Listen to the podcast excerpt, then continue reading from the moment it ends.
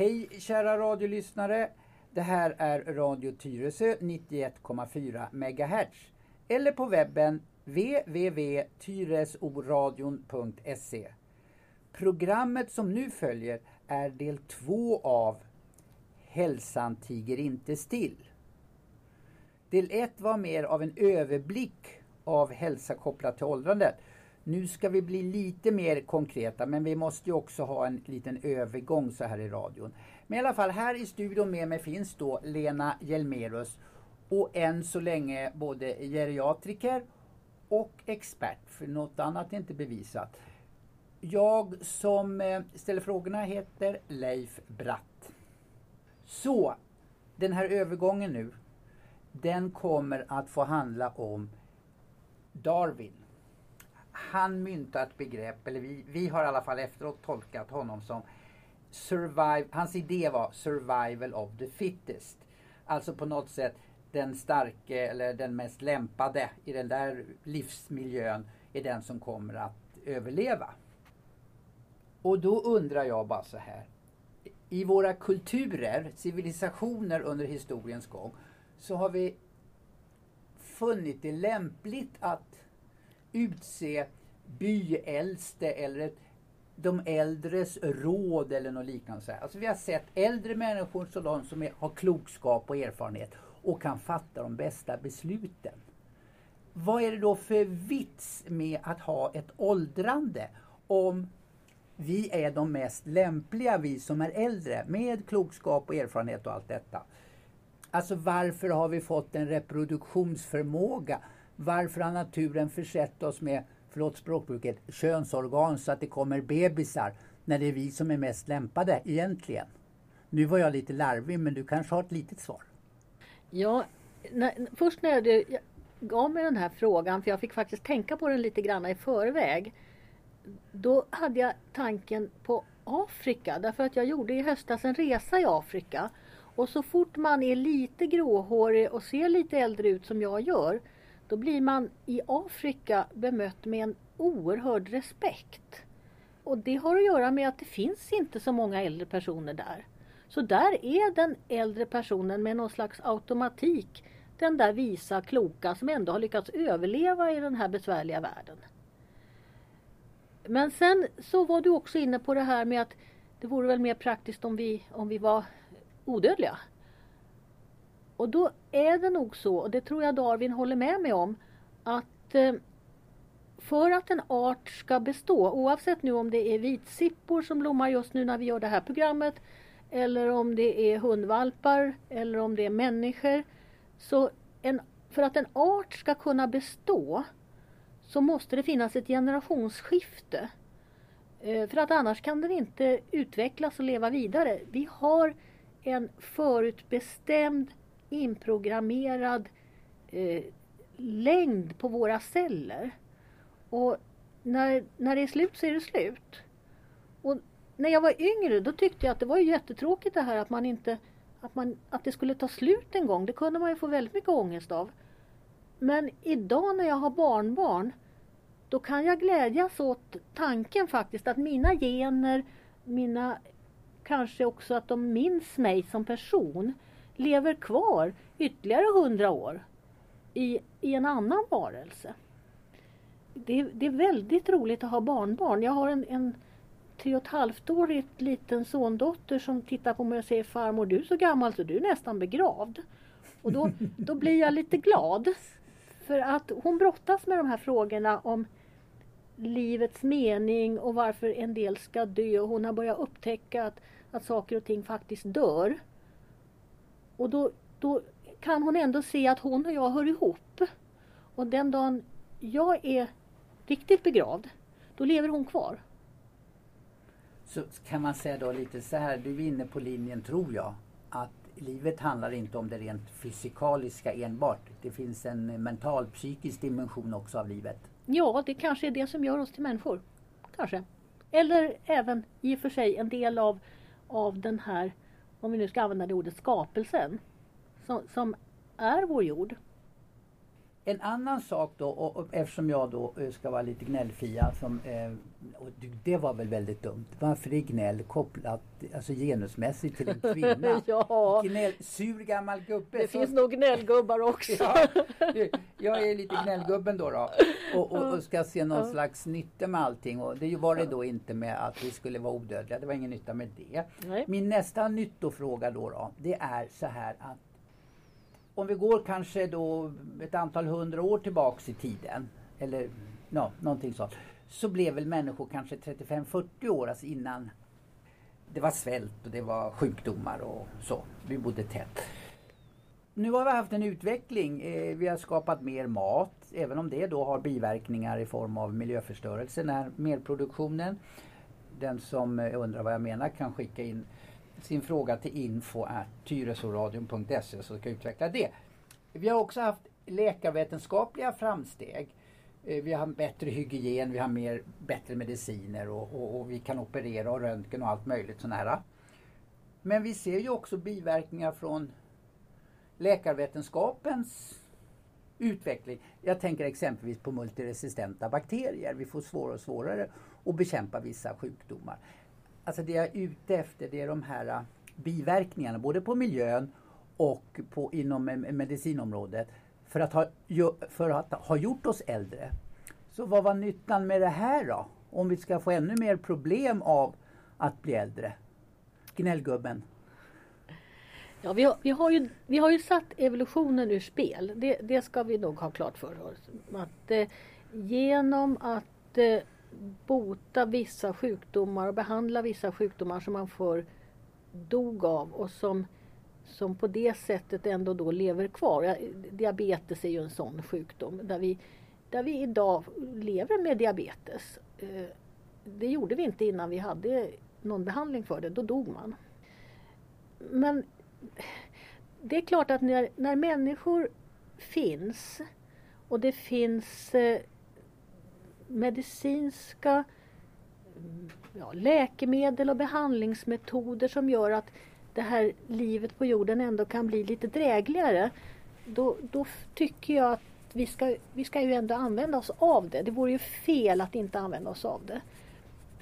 Tänk bara på en sån sak som en pacemaker eller på en konstgjord hjärtklaff. Eh, människor som av en på grund av en infektion fick i, tidigt i ungdomen en, ett skadat hjärta. Skulle de då inte ha rätt att få del av eh, den här framsteget som det ändå var när vi började kunna behandla skador som hade uppstått tidigare i livet. Eh, alltså den vanligaste orsaken till att man ska ha en, en konstgjord hjärtklaff det är ju att man har haft en halsfluss som barn på den tiden när det inte behandlades, man inte behandlades för halsfluss utan där det fick läka ut av sig själv och där människor då fick en skadad hjärtklaff. Jag tycker vi ska, ha res, vi ska vara glada åt att, att eh, medicinen ändå har gjort sådana framsteg. När jag, när jag började som doktor då var man oerhört ska säga, restriktiv med smärtlindring fann, man kunde knappt ens skriva ut det på recept. Man var tvungen att, att eh, 1982 var vi tvungna att ansöka om licens för alla som skulle ha eh, morfin i tablettform. Idag så har ju alla rätt till smärtlindring. Och det är ett jättestort framsteg på de här 40 åren. Som jag är glad för att vi har gjort. Men vet du vad jag blir glad för? För jag var inne i förra programmet om att jag är den där sura gamla gubben, eller jag ställer sådana frågor. Du lyfter ju fram humanismen. Och det är ju ett ideal vi alla borde sträva efter. Att ha en humanistisk syn på tillvaron. Ja, alltså som naturvetenskapligt skolad så, så är ju läkekonsten och läke, läkaryrket ett väldigt humanistiskt yrke. Faktiskt. Ja, och som vi kan vara glada åt. Ja. Att ni finns. Ja. Ja, jag har ju till exempel en åkomma som för 15 år sedan var ungefär som cancer på 50-talet. Mm. Det var en överlevnadstid på ett och ett halvt år ja. efter diagnos. Någon gång ska vi kunna berätta om, om alla problem som finns inom sjukhusvärlden. Ja, ja, ja. i alla fall. Så att jag är rätt glad att jag har fått medicin. Så att, lite skruvad är man. Men i alla fall, två saker också kvar från eh, förra programmet innan vi fort, gör, gör lite nyheter utav det hela. Vi pratade om medellivslängd och du sa att män blir ungefär 80 och kvinnor 84 om jag minns rätt. Men i alla fall, var, varför denna skillnad? För du nämnde ju också att kvinnor var lite skröpligare eller sådär. Ja, och det vet man faktiskt inte. Och ett tag så sa man att den svenska kvinnan hon blir äldst i världen men nu har japanskorna gått om oss. Eh, Vilket sätt? Ja, man tror att, att männen släpar efter har att göra med rökningen. Men det är... Eh, det här är ju svårt att bevisa. Men männen har nog eh, varit utsatta för en del saker som kvinnorna inte har varit. Som har slitit på kroppen. Kanske tungt arbete också. Det finns samtidigt då, då och då i alla fall dyker upp eh, personer som säger att en allt större andel, eh, speciellt då de som är födda sig på 2000-talet. Nu kommer inte jag siffran men kanske storleksordningen 5-10% av dem kunde räkna med att bli 100 år gamla. Du kanske har bättre siffror än så, men, eller mer sanna siffror. Men eh, de här då som är födda på 2000-talet, de kommer ha ett antal hundraåringar i sitt grannskap. Ja, oh ja, det kommer de ha. När jag började som geriater då var det ju ganska sällsynt med hundraåringar och på den tiden fick man ju eh, ett personligt telegram från kungen. Sen har vi kommit in i en period när man får meddela hovet att det finns en hundraåring som skulle bli glad om de fick ett telegram från kungen och då kommer det ett. Men vi är snart inne på det att kungen kan inte skicka telegram till alla hundraåringar för nu börjar vi bli så pass många. Och eh, hur morgondagens hundraåringar kommer att må det är ju jättespännande. Tyvärr tror jag att vi kommer att ha en ganska många av dem kommer att ha det som kallas för kognitiva sjukdomar, alltså sjukdomar som påverkar tänket. Och eh, att jag säger det, det beror på att vi idag ser bland 90-åringarna en väldigt hög andel med kognitiv sjukdom. Men vi har ju haft en utveckling inom eh, medicin, alltså jag tänker läkemedel, läkemedelsindustrin. Ibland brukar man ju prata om vissa av de här mentala, alltså det som sitter uppe i huvudet. Det beror på någon slags plack, alltså ungefär som tandsten. Fast då eh, inte tandsten men något liknande uppe i hjärnan som gör att vindlingarna fungerar inte riktigt lika bra. Kan man inte tänka sig att det blir någon eh, ja, medicin som kan få ta bort det där placket där uppe? Eller... Ja, om det var så enkelt. Nu, nu pågår det ju väldigt mycket forskning om det som kallas för demenssjukdomar. Då. Det är en, en, grupp av de här där bland annat de här sjukdomarna med, som tror jag du tänker på när du pratar om plack. Man försöker att hitta någon form av vaccin. Men det här är, det ligger det, det är väldigt mycket på forskningsbas fortfarande. Vi har fått några bromsmediciner men det är ju inga botande mediciner utan det, effekten av dem för det första fungerar de inte hos alla och sen så eh, kommer man förr eller senare till en punkt när de inte längre bromsar. Så att vi har, vi har en bra bit kvar när det gäller förståelsen och behandlingen av demenssjukdomarna. Då har vi tagit lite av det gamla, eller utvecklat det lite mer. Nu skulle jag vilja veta eh, nästa tema i den här eh, serien om hälsan och åldrandet. Kan du beskriva vad som händer rent allmänt, så här populärvetenskapligt? Vad händer i kroppen när vi åldras? Mm. Och om du då ser framför dig en, en äldre person. Eh, jag tycker inte man ska säga gamling. Ibland säger man senior men eh, på 70-talet pratade vi om grå pantrar. Jag vet inte om du minns det. Men, men det var Tror du att jag har plack i huvudet? det, var, det var ett rätt bra uttryck det här med de grå pantrarna. Var inte det kvinnor det som Ja, blev... det var nog män också. Aha, tror jag. Ja. Mm. Men i alla fall. Eh, man har en bild framför sig. Man ser eh, någonting av en gammal kvinna eller en gammal gubbe. Och då är det ju, det, det hänger det mesta. Och kroppshållningen är lite framåtlutad. Och det är rynkigt och det går långsamt. Det kanske ändå fungerar som det ska tankemässigt men det går ändå lite långsammare. Och då, det finns då vissa saker som vi vet händer i kroppen. Det, vi har ett ämne som heter elastin som finns eh, lite här och där mellan cellerna men också i blodkärlens väggar och i andra rörs väggar, luftrörsväggarna till exempel. Och det här elastinet det minskar och det hörs ju på namnet att det är något som är elastiskt och när det försvinner då blir det stelt. Det är mest påtagligt i andningsorganen. Och då brukar jag säga att istället för att ha eh, lungblåsor som gummiballonger så börjar det mer bli prassliga papperspåsar. Eh, man ser det tydligt på huden som blir både tunnare och skrynkligare.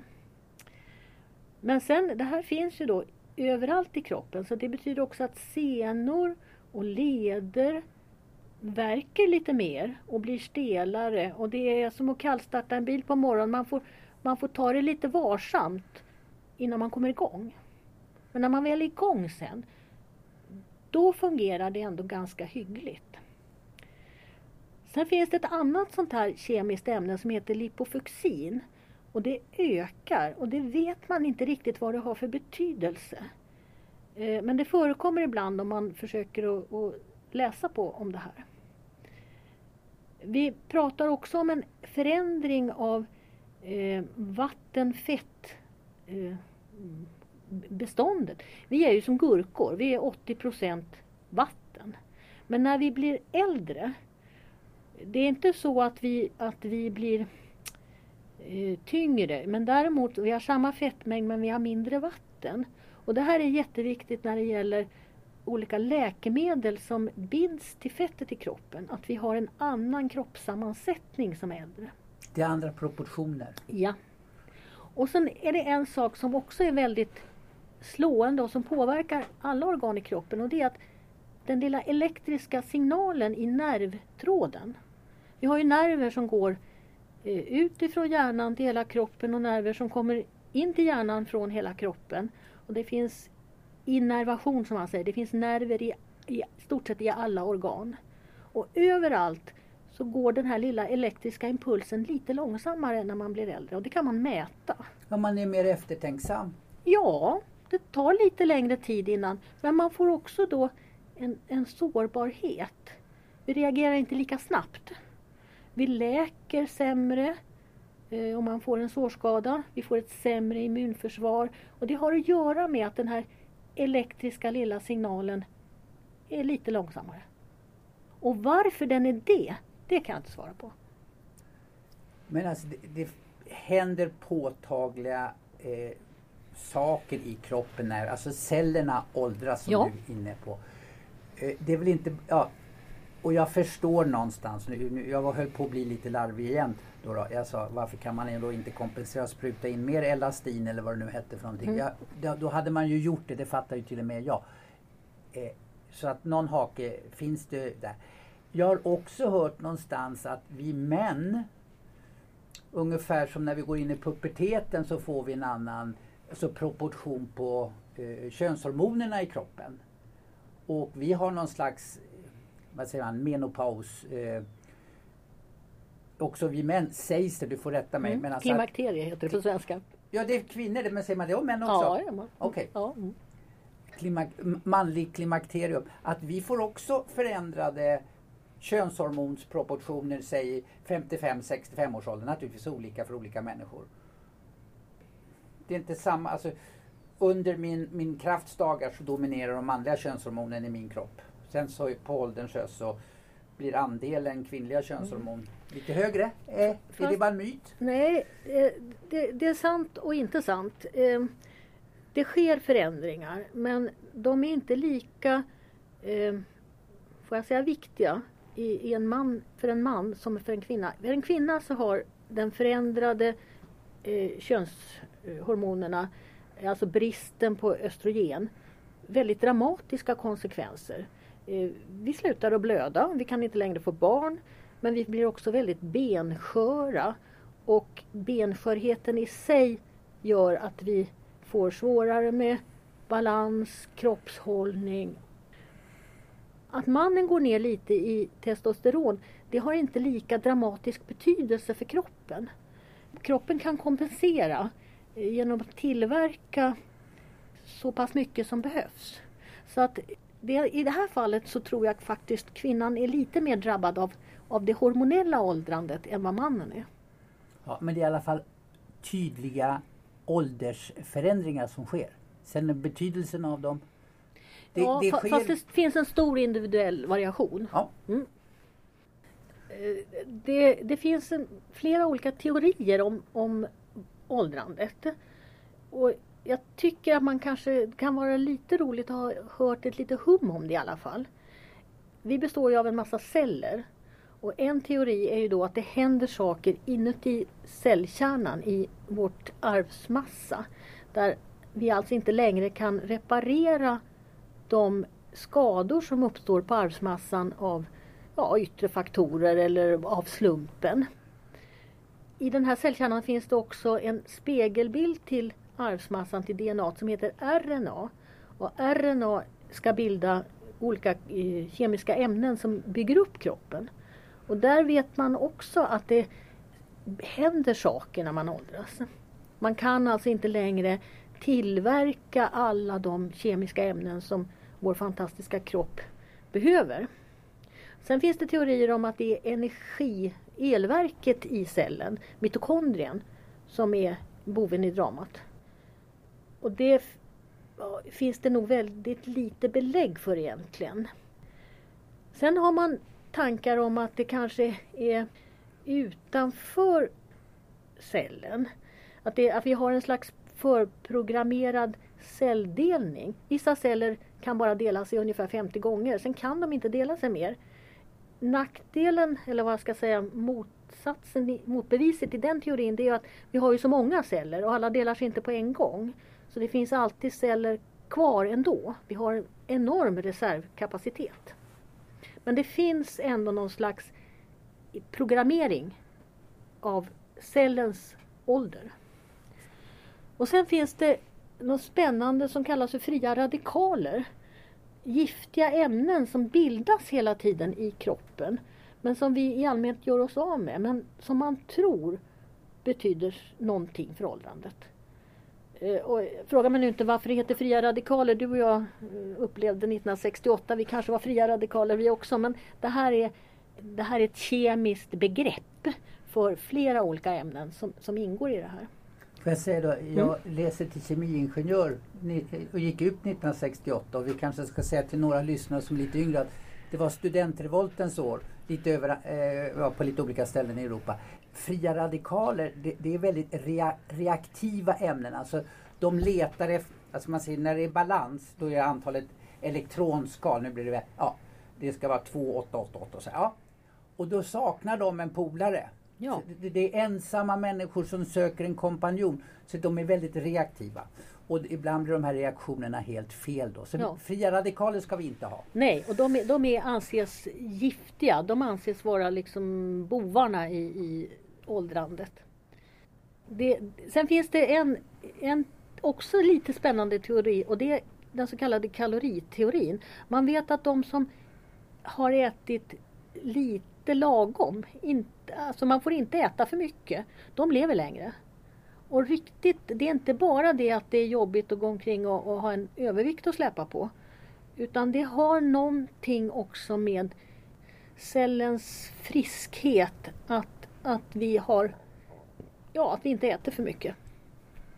Är en slutsats av ditt resonemang att vi ska vara tacksamma att vi inte har all din kunskap om kroppen? Därför att egentligen är det ju ett mirakel att alla de här olika faktorerna är i balans och vi, vi är levande människor. Vi kan tänka, vi får nervimpulser och tar emot dem och bearbetar. Det är ett rätt komplext system. För vi, alltså, vi börjar ju med Ja, nu ska vi lägga blommor och bin. Alltså det är ett litet ägg där så, och så kommer en kompis till ägget och hälsar på och sen börjar en celldelning. Men alltså det är ett ägg. Och det där ägget cellen kommer att dela sig och någon, någon av de här, eller några av de här delarna som har delat på sig ska bli ett öga. Och någon del ska bli en nagel. Och det ska komma på rätt plats. Det är ju rätt fantastiskt. Ja, det är, det är alldeles otroligt. Och sen när det väl sitter på rätt plats, då har vi ett begrepp som kallas för homeostas. Och som är ett jättespännande begrepp som handlar om att kroppen hela tiden, varenda sekund, håller någon slags balans. Allt ifrån vilken eh, temperatur det är till saltbalans, syrebalans, alltså surhetsgradsbalans. Och det här är så fina system. Och vi är inne i det här och, och ställer till det med vårt sätt att leva och ändå så fixar kroppen det. Ja men det är det jag är lite ute efter. Att mm. Vi kanske glömmer bort hur fantastiska varelser vi är. Alltså, vi får vara glada. Vi borde glädja oss varje dag åt att systemet funkar. Ja. För det är många saker som ska funka för att vår kropp ska funka. Ja. Och är man då lite krasslig så kan man ju trösta sig med tanken på att kroppen har en inbyggd eh, reparerings, reparationsverkstad och, och håller det här i balans om jag bara tar det lite lugnt och ger det tid. Ja, det, var, det var mycket på en, en, en gång det här. Får jag bli nu lite världslig? Eh, för nu har vi hållit på med individen och kroppen. Vi har, som vi har varit överens om nu då, en åldrande befolkning. Och då ska ju också samhället anpassa sig till det. Alltså det är allt fler som är allt äldre. Hur, hur tror du det systemet kommer funka framöver då? Alltså eh, en kvinna ska flöda tror jag 2,1 barn för att vi ska ha en eh, stabil befolkningsmängd. Ja det är jättelätt att svara på det för det kommer inte att funka. Utan vi kommer att få uppleva samhällsförändringar och hur de kommer att se ut det vet jag inte. Men i och med att befolkningen blir äldre så kommer det påverka samhället ekonomiskt. Och vi behöver, vi, redan idag så skulle vi inte klara en dag i vården om vi inte hade alla utlandsfödda svenskar. För att eh, den svenskfödda befolkningen är för liten för att kunna ta hand om alla människor som behöver det i Sverige. Eh, men det här är ett, ett jätteproblem, eller ja, det är en utmaning. Vi kanske inte ska kalla det problem förrän, förrän vi vet hur det kommer att se ut. Men, men att, att det är eh, kaos inne på en akutmottagning, det förvånar mig inte ett dugg. För jag vet ju hur verkligheten ser ut. Nu har vi vår tid gått ut för den här gången och vi har massor mer att prata om. Lena, än en gång ett jättestort tack. Och så återkommer vi och rätar ut frågetecken för människor här ja, i Tyresö. och är det någon nu som vill kommentera det här och som har synpunkter så hör gärna av er då till info, info kanel, ja, kanelbulle tyresoradion.se Och tack för idag.